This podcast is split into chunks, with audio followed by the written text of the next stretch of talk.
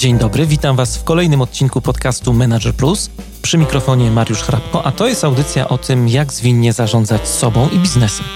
Jeżeli chcecie, żeby coś zmieniło się w Waszym życiu i czujecie potrzebę ciągłego szlifowania swoich umiejętności, zapraszam do słuchania moich audycji. Dzień dobry, dzień dobry, witam Was w takim już trochę wakacyjnym trybie i tak y, myślę sobie, że no cóż. Dawno się nie słyszeliśmy. To wszystko trochę za sprawą mojej nieobecności. Mnie się dużo ostatnio bardzo dzieje. Zaangażowałem się całkiem świadomie w dwa takie duże projekty. E, dawno tego nie robiłem, ale temat mnie bardzo skusił, bo pracujemy mocno nad e, człowiekiem, nad głowami liderów, nad relacjami w zespołach, e, które decydują się właśnie na pracę w filozofii Agile. No oprócz tego są studia podyplomowe, powoli kończy się pierwsza edycja. Cały czas e, z miesiąca na miesiąc są kolejne zjazdy edycji śródsemestralnej. Przygotowujemy się powoli do jesieni. E, tym razem uruchamiamy również Wrocław. Oprócz Warszawy studia Agile Leadership podyplomowe będą możliwe we Wrocławiu, więc zachęcam do e, zapisywania się, bo z tego co wiem, to miejsca już się wysycają, co mnie bardzo cieszy. No i właśnie, i na podcast Manager Plus tak e, trochę mm, brakuje mi czasu, ale bombardujecie mnie mailami, co się dzieje, czemu w ogóle nie ma kolejnych odcinków. Ciśnienie jest dość duże, więc postanowiłem w końcu e, zareagować i obiecuję poprawę. Jakby się tak nie stało, to piszcie, to atakujcie. E, będę się wciąż poprawiał, ciągle doskonalił.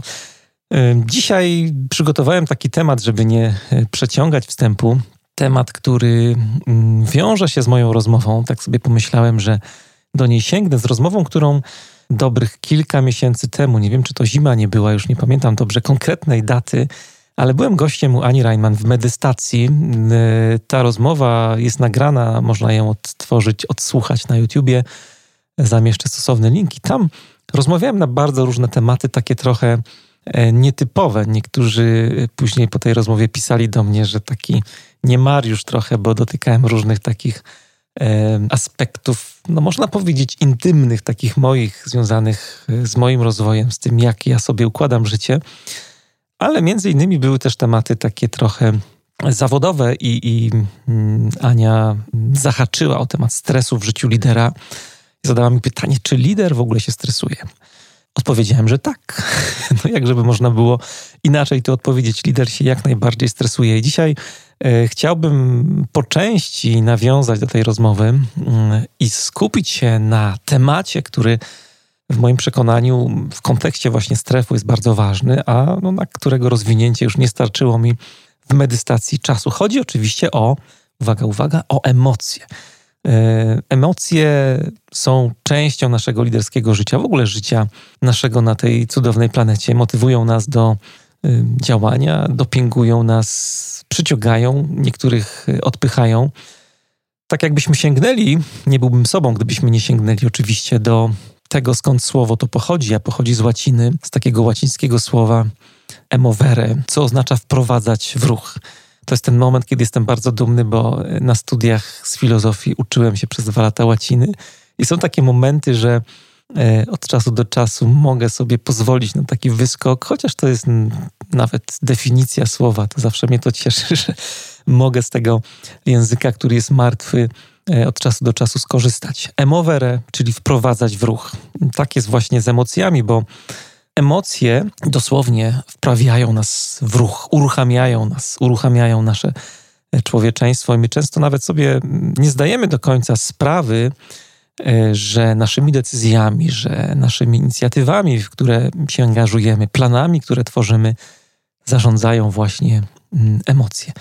No i może ci się wydawać, może nam się wydawać, że jesteśmy tacy poukładani, na przykład, że potrafimy szybko jakoś określać priorytety, że jesteśmy dobrze zorganizowani w pracy, na przykład, albo w życiu trzymamy się jakiejś logiki faktów, no a tymczasem gdzieś tam za tym wszystkim stoją właśnie emocje.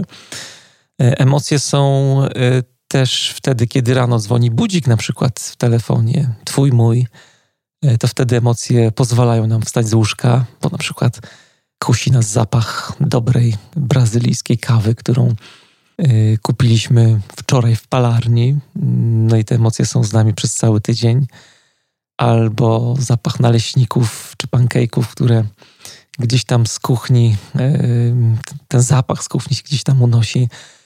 Mm, te emocje towarzyszą każdej naszej aktywności, kiedy odhaczamy kolejne zadania w pracy, kiedy dotrzymujemy terminów, staramy się, bo, bo no nie chcemy odczuwać wstydu, jakiegoś poczucia winy w pracy, kiedy często dużo wymagamy od siebie, bo kręci nas na przykład poczucie rywalizacji, albo kiedy, nie wiem, wchodzimy w nowy projekt, uwielbiamy ten projekt, bo ciągle pociąga nas ta niepewność, przygoda, która e, się z nim wiąże i tak dalej, i tak dalej. Te emocje są z nami na każdym kroku. Ja E, sięgnę teraz do książki, którą Wam polecam, Emo Sapiens, bardzo przyjemnie napisana. Jej autorem jest profesor Rafał Ome. E, I on, zaznaczyłem sobie taki fragment, e, gdzie profesor mm, porównał te emocje do koloru. Emocje są kolorami, którym niczym artyści nadajemy swoim życiu. I tutaj pozwolę sobie zacytować ten fragment, bo jest przepiękny. Każda emocja jest jak barwa na palecie malarza, farby dodają spektrum możliwości artyście, a emocje sprawiają, że życie staje się charakterystyczne, nasycone i pasjonujące. To, jakich kolorów używasz najchętniej, określa Twój temperament i osobowość. Natomiast proporcje farb na palecie zmieniają się tak, jak Ty się zmieniasz. Doświadczenie i życiowe okoliczności wpływają na to, czy masz do dyspozycji więcej żywych barw, czy przeciwnie, odcieni szaroburych. Prawda, że ładny fragment, prawda? Teraz tak sobie myślę, że zaproszę Cię na chwilę do takiego eksperymentu. Ciekaw jestem, co nam z tego wyjdzie. Powiem Ci za chwilę o mm, dziewięciu podstawowych emocjach. Przeczytam je bardzo powoli, z takim rozmysłem, z taką uważnością gdzieś w tle. I Ciebie bym poprosił, żebyś spróbował tak nawet bez głębszego zastanowienia się, wybrać te emocje spośród nich, które odbierasz jako dobre, jako takie pozytywne, no i te emocje, które odbierasz jako złe lub negatywne. Możesz sobie gdzieś tam w swojej głowie stawiać przy tych słowach e, takie e, wirtualne plusiki albo minusiki. Uwaga, bo czytam. Strach, gniew, zaskoczenie, wstręt, smutek, poczucie winy, miłość, radość i ciekawość. To dziewięć podstawowych emocji. Ciekaw jestem, gdzie te Twoje plusiki i minusiki się pojawiły przy tych emocjach. Ciekawa rzecz jest taka, że jak pokazują różne doświadczenia, to mm, większość osób sześć pierwszych emocji, czyli strach, gniew, zaskoczenie, wstręt, smutek i poczucie winy, odbierają raczej tak negatywnie, a te trzy ostatnie, a więc miłość, radość, ciekawość, ja chyba nawet też takim innym głosem czytałem właśnie te emocje, to te trzy ostatnie emocje odbierają jako dobre lub właśnie pozytywne. No i pytanie, które możemy sobie zadać, dlaczego tak się dzieje? No, jak się można domyśleć, to stoi za tym na pewno nasza głowa. To jest E, chytra sprawka naszego umysłu, który mm, do poszczególnych emocji dorabia sobie właśnie różnego rodzaju historie, różne narracje, które właśnie na nas oddziaływują, szczególnie w przypadku tych emocji właśnie, które moglibyśmy nazwać mm, w cudzym słowie negatywnymi. Na przykład takie narracje mogą się pojawiać w naszych głowach, takie etykiety gdzieś tam wędrują po naszych e, umysłach. Negatywne emocje są oznaką słabości. To często się zdarza, że właśnie te e, emocje ze znakiem e, minusików są wyrazem naszej słabości. Albo e, mówi się też, że negatywne emocje zagrażają naszemu zdrowiu. To często też możemy sobie wdrukowywać takie hasła. Bo jak na przykład odczuwamy złość, jak się denerwujemy, to źle wpływa na nasze zdrowie.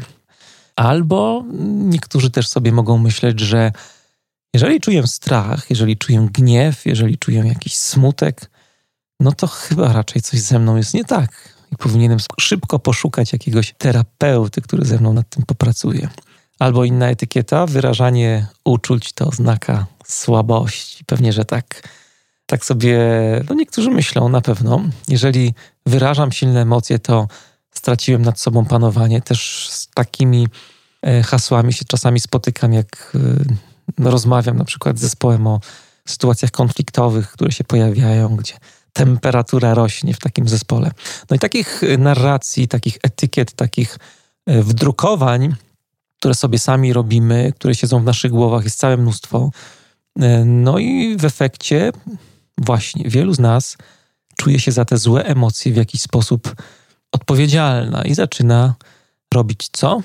Zaczyna z nimi walczyć. I tutaj chciałbym nawiązać do pewnej metafory, tak naprawdę do pewnej historii z mojego dzieciństwa, bo często tak się złapałem na tym, y, że jak rozmawiam z liderami, to często sięgam do różnych historii, właśnie, które sięgają mojego dzieciństwa. Miałem taki bardzo fajny czas u dziadków. Każde wakacje w zasadzie u nich spędzałem i bardzo dobrze się tam czułem. Taka prawdziwa wolność mnie dopadała wtedy. Byłem sobą u siebie.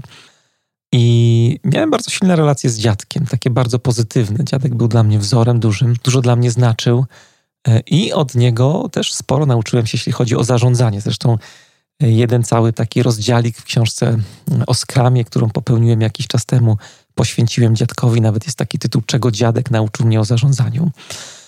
Ale do czego zmierzam? Moi dziadkowie mieszkali na wsi. Było to całkiem niedaleko rzeki San. E, tam spędzałem dużo czasu wędkując z dziadkiem właśnie, ale to nie jest tutaj najważniejsze, bo ta rzeka, która jest jednym z prawobrzeżnych dopływów Wisły, e, wzbudzała zawsze jako dziecku, ale też teraz jak sobie o tym myślę, pewien taki niepokój, pewien strach nawet, bo mm, jakoś zawsze bałem się tej rzeki. Ta rzeka miała bardzo silny prąd.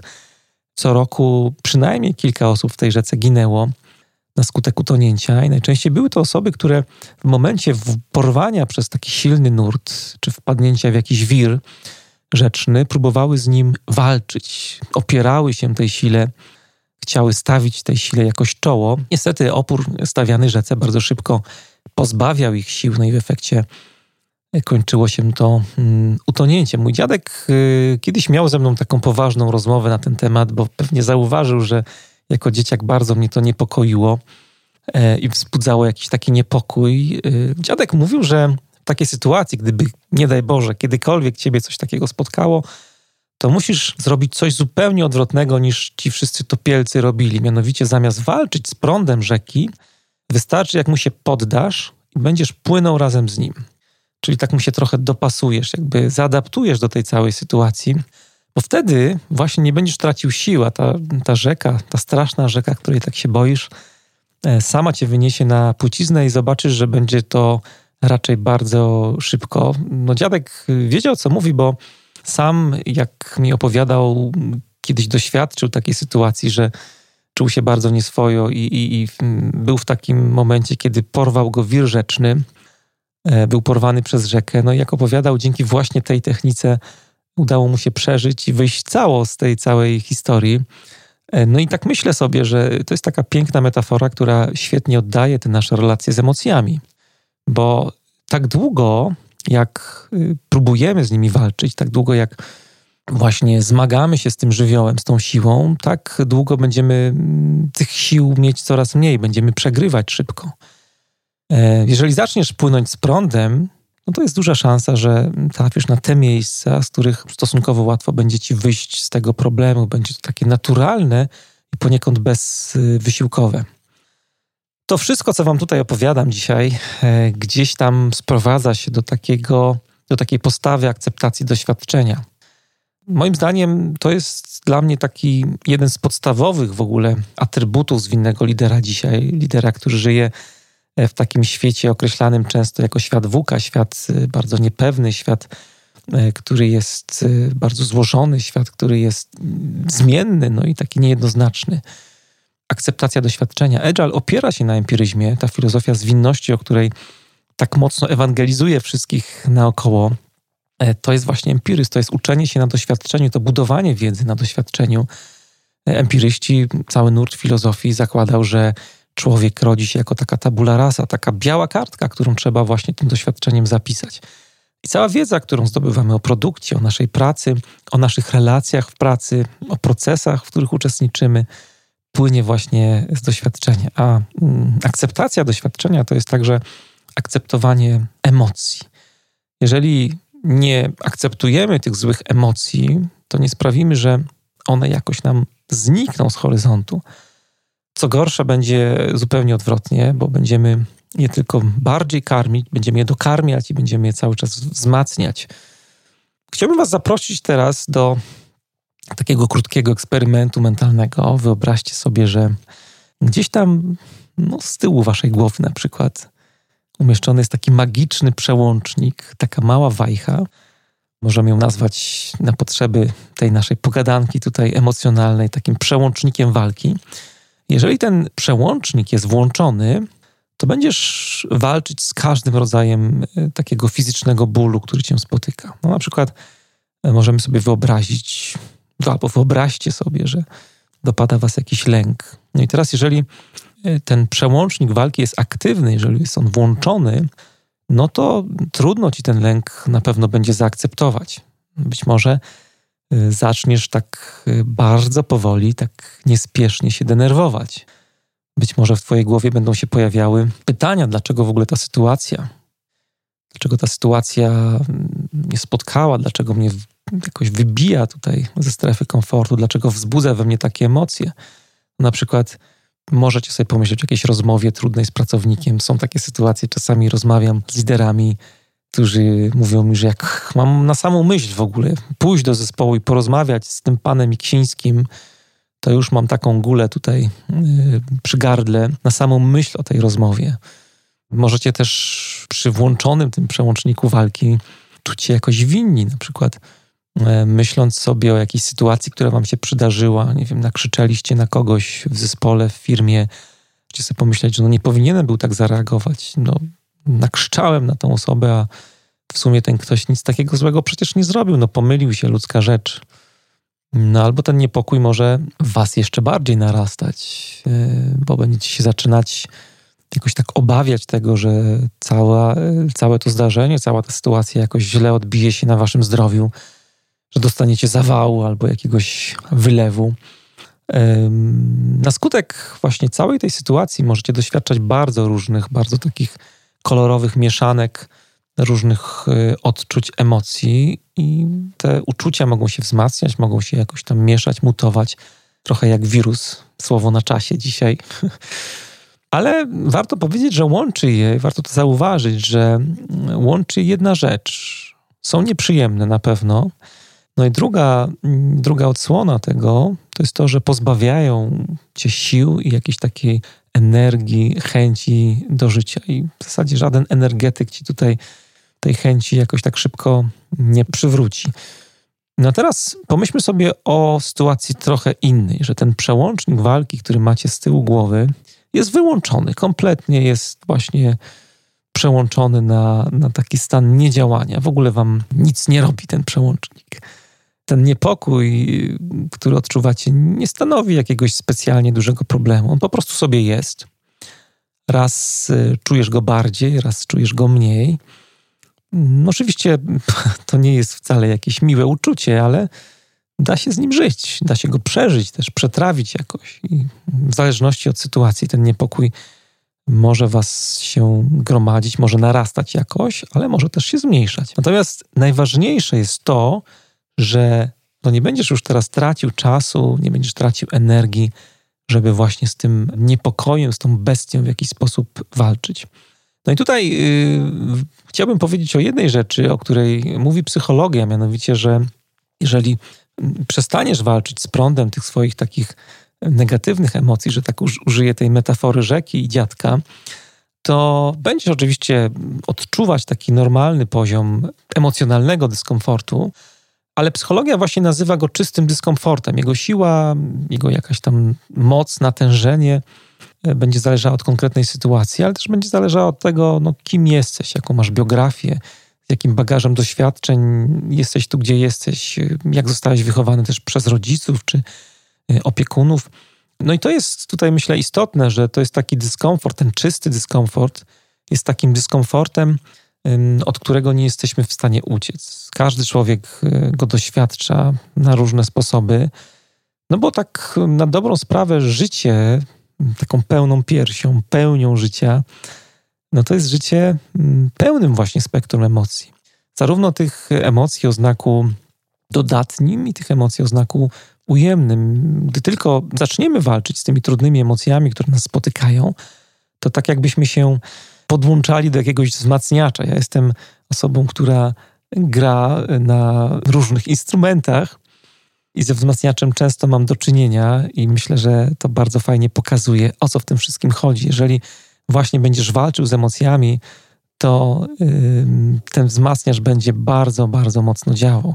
Ich poziom będzie tylko wzrastał, yy, no i będzie się pojawiał dyskomfort, o którym psychologia mówi, że jest to taki dyskomfort brudny. Ten przełącznik walki właśnie działa jak ten wzmacniacz emocjonalny. Jak tylko go uruchomisz, jak tylko go włączysz, to no, zaczniesz się natychmiast bać własnych lęków, będziesz obwiniał siebie, obwiniał swoje poczucie winy, będziesz się złościł na siebie, na swój gniew. Są takie badania w ogóle, które sięgają roku 2012. Nie byłbym sobą, jakbym daty nie przytoczył. Taka moja natura już jest. No ale wracając do badań, te badania przeprowadził psychoterapeuta Eric Garland z Florida State University, które e, to badania pokazały, że e, nieakceptowanie negatywnych emocji mm, wpływa na nas wręcz tak negatywnie właśnie. Osoby, które e, regularnie negowały swoje takie destrukcyjne, czarne myśli i emocje, dużo częściej miały właśnie problemy ze stresem.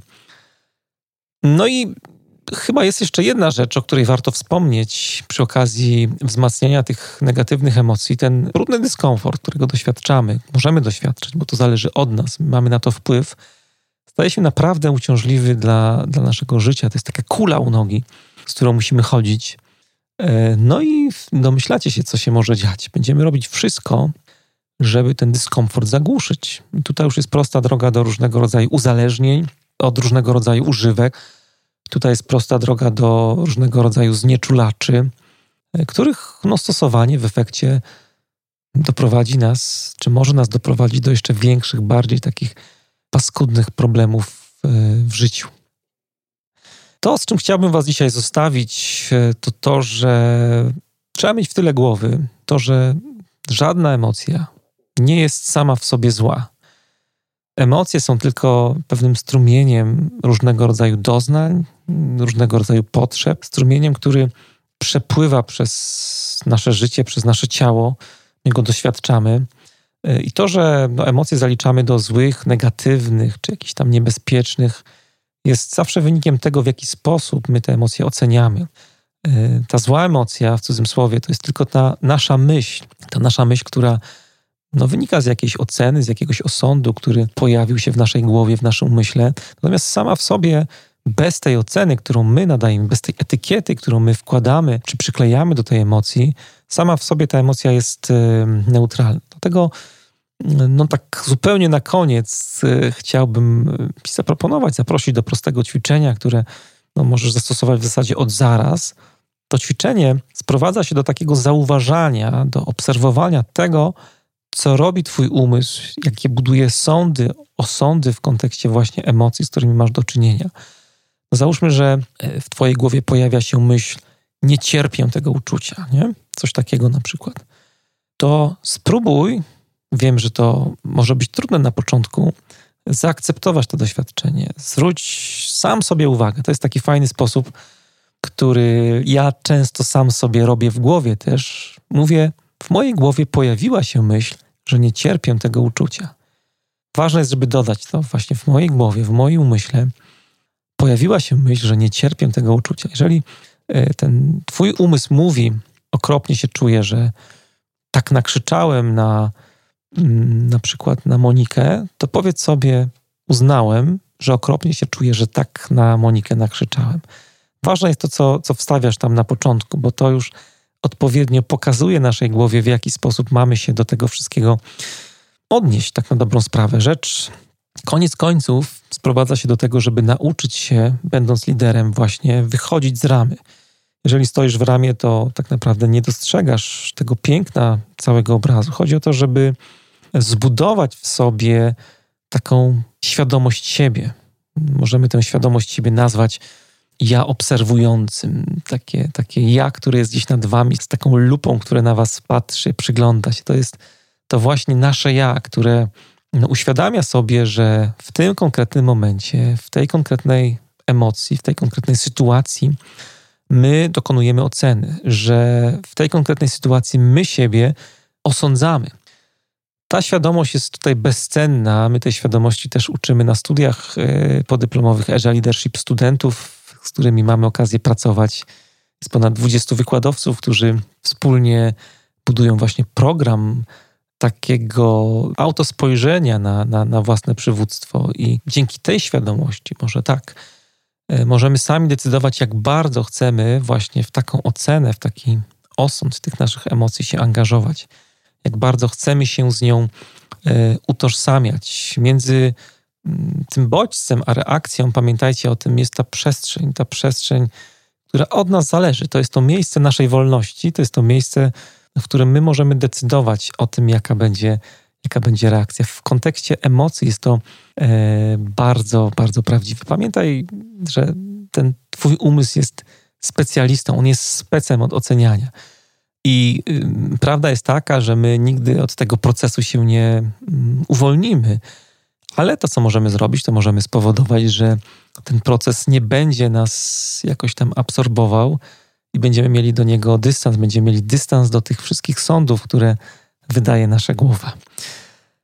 No i to wszystko, co chciałem Wam dzisiaj y, opowiedzieć. Bardzo Wam dziękuję za ten y, fajny wspólny czas, że mm, byliście ze mną. I na koniec E, jeżeli podobał Wam się ten odcinek, jeżeli podobał Wam się podcast Manager Plus, dawno Was o to nie prosiłem, ale to jest dobry moment, żeby właśnie z taką prośbą się zwrócić. E, to jest coś, w czym możecie mi zawsze pomóc. Dajcie znać pocztą pantoflową, takim e, marketingiem wirusowym o tym, co tutaj robię, o tych rozmowach, które prowadzę w podcaście Manager Plus, odcinkach, które nagrywam swoim znajomym. Jeżeli przynajmniej jednej osobie powiecie, która nigdy nie słyszała o podcaście Manager Plus, to będę Wam mega, mega wdzięczny. Oczywiście jest jeszcze taka droga formalna, którą możecie zastosować. E, to jest iTunes y, i gwiazdki, których można tam podcastowi przysporzyć, albo recenzję, jeżeli bym się Wam bardzo chciało, to w materiałach pod odcinkiem jest link, który Wam cały ten proces znacząco ułatwi. Przygotowujemy się też z takich ogłoszeń powoli do y, kolejnego naboru. Myślę, że w czasie wakacji ten nabór się pojawi w okolicach sierpnia do platformy rozwojowej dla liderów Agile Leadership Tribe, ale o tym Was będę na bieżąco informował. Możecie też zerknąć i zapisać się na listę osób oczekujących altribe.pl. To już wszystko na dzisiaj. Ja się nazywam Mariusz Hrabko. Trzymajcie się i do usłyszenia niebawem.